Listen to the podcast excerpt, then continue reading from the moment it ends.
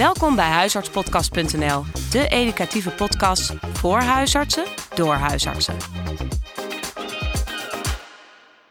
Welkom bij de Kleine Kwalen podcastserie in samenwerking met BSL en de LOVA. Leuk dat je ook luistert. We hebben uit de vier kleine kwalenboeken een relevante kwaal gekozen om te bespreken voor jullie lering en vermaak. Wil je ook de diagnostiek en behandeling van meer dan 500 kleine kwalen altijd en overal bij de hand hebben? Met de code podcast 2021 krijg je als luisteraar 25% korting op het eerste jaar kleine kwalen online. Je kunt dit eenvoudig bestellen op bsl.nl/shop. Veel luisterplezier! Welkom luisteraars. Ik ben Tessa Dijksman, huisarts en vandaag ga ik de schrijfster van het onderwerp Syndroom van Gilbert interviewen voor de Kleine Kwalen podcastserie. En ik heb aan de lijn Jooske Rebel. Hoi Jooske. Hoi. Hoi. Hey, jij bent praktijkhouder in Soetermeer en je hebt ooit dit hoofdstuk geschreven. Ja. Kun je eens vertellen wat de aanleiding was om met dit onderwerp in aanraking te komen? Ja, het was even graven. Um, volgens mij... Zat... Het is al een tijd geleden, hoor ik dus. Ja, ja, nee, volgens mij was het in het eerste jaar van de opleiding dat ik het syndroom van Gilbert een keer als episode langs zag komen in Medicom. En ik me afvroeg van, hé, hey, wat is dat? Nou ja, daar ben ik toen op gaan zoeken. En toen dacht ik, nou, interessant. En uh, nou ja, zo uh, is het aan het rollen gekomen eigenlijk. Nou, en even in de herhaling voor de mensen die het niet meer precies weten. Kun je uitleggen wat het syndroom van Gilbert ook weer inhoudt? Ja, dat is dus gewoon een helemaal goedaardige leverziekte die vaak bij toeval wordt gevonden. Uh, mensen komen ja, of zonder klachten en dan wordt er bloed geprikt en dan zie je in het bloed zie je een verhoogd bilirubine.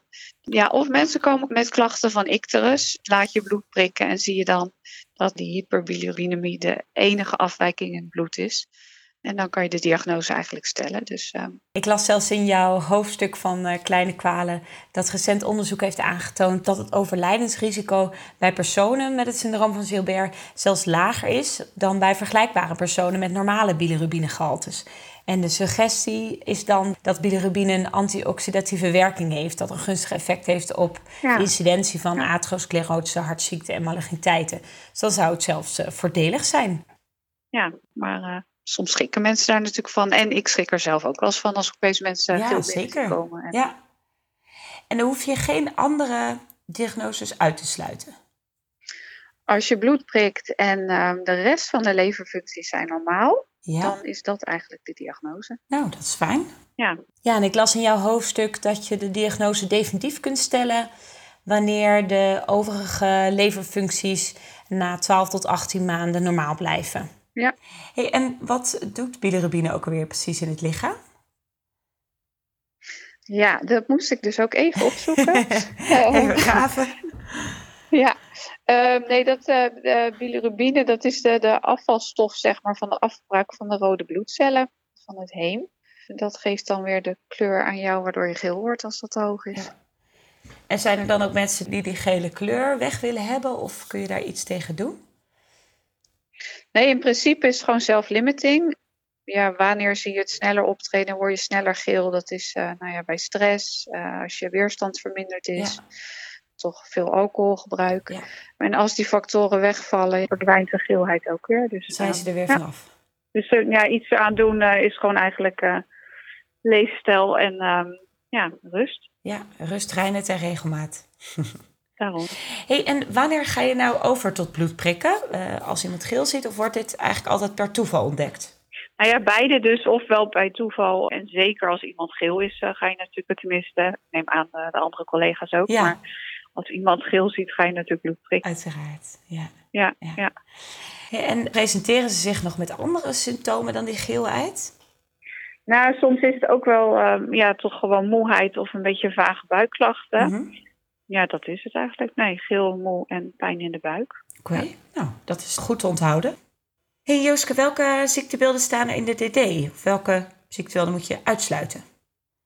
Nou ja, bij een uh, bilirubine boven de 85 moet je nog uh, denken aan het Kriegler-Jar-syndroom. Uh, waarbij echt het bilirubine echt hele hoge waardes aanneemt. Komt dan vooral wel bij kinderen voor. Maar dan kan je op den duur ook echt wel hersenbeschadiging krijgen. Dus dat is uh, wel een hele andere tak van sport.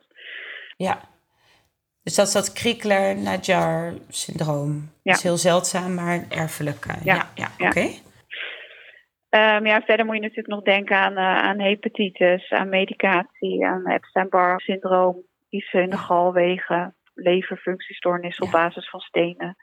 Eigenlijk de geëikte DD van de maag-darmlever. Uh, ja, ja. ja, ja. Hey, en hoeveel mensen hebben er het syndroom van Gilbert?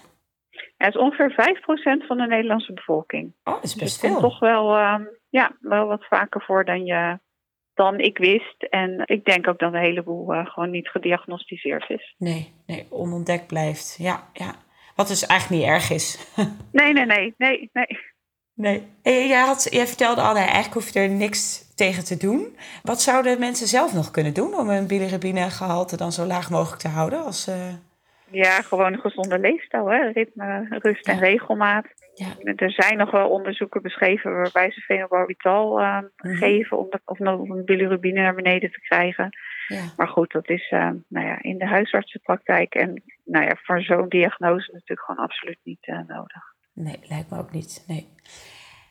Nou, het klinkt dus gelukkig allemaal heel erg onschuldig. Uh, zijn er momenten waarop je wel zou verwijzen met deze diagnose? Ik zou verwijzen als dat uh, bilirubine echt boven de 85 micromol per liter komt. Ja, ja. Ik zou zelf denk ik ook verwijzen als het een beetje rondom die waarde hangt. Of dat er toch andere ja, rare klachten bij komen. Of als er in de familie rare dingen voorkomen. Ja. Of toch andere leverfuncties, ja, misschien zo minimaal verhoogd zijn waar je normaal niks mee zou doen. Maar ik ben zelf altijd zo van als ik twijfel, dan liever gewoon een keer te veel dan dat je achter de feiten ja, aanloopt. Slim. Ja. Uh, maar in principe, als je dus gewoon echt veilig met alleen dat die bilirubine verhoogd zit, ja, dan, uh, dan hoef je daar verder niks nee, mee. Nee. Nou, fijn. Bedankt Jooske. Heel leerzaam. Ja. Ik ga even kijken of ik het kan samenvatten. Wat ik jou hoorde zeggen is dat het syndroom van Gilbert bij 5% van de mensen voorkomt. Dat het vaak onontdekt blijft. En dat als je bloed prikt voor iets anders... of omdat mensen bijvoorbeeld gele sclera hebben... dan zie je dat de rest van de leverfuncties allemaal normaal zijn. Dat alleen het bilirubine verhoogd is, maar niet boven de 85. En dan kun je eigenlijk dit uitleggen aan patiënten... en hoef je verder niks te doen... En uh, patiënten adviseren om een gezonde leefstijl te handhaven. Wat eigenlijk natuurlijk altijd een goed advies is. Ja. Want rust, reinheid en regelmaat en niet te veel alcohol helpt ook uh, om die, uh, ja, die pieken van bilirubine binnen de perken te houden. Ja. Zeg ik dat zo goed? Ja, ja helemaal mee eens. Helemaal goed. En is er nog informatiemateriaal voor de patiënt beschikbaar? Is er bijvoorbeeld een thuisartsfolder over? Nou, thuisarts heeft daar niks over. Maar er is wel gewoon van de Maagdarmleverstichting nog een site uh, waar de voorlichting ja. op uitgeschreven staat. Ja, oh, daar staan ook altijd goede folders op. Ja, ja. ja. Nou, Jooske, nogmaals bedankt. Graag ik denk, uh, ik heb weer veel geleerd en ik hoop de AIOS en de huisartsen ook. En dan wens ik je een hele fijne dag. Ja, oké, okay, dankjewel. Hetzelfde. Dag. Oké, okay, dag. Dit was het interview met Jooske Rebel over het syndroom van Gilbert. We leerden dat het een goedaardige leveraandoening betreft, die vaak per toeval wordt ontdekt. Het enkel verhoogt ongeconjugeerd bilirubine in het bloed en vaak zonder klachten. Je hoeft eigenlijk niks te doen. Bedankt voor het luisteren. Bekijk ook onze website op huisartspodcast.nl. Voor vragen of suggesties kun je mailen naar huisartspodcast.gmail.com. Tot de volgende keer.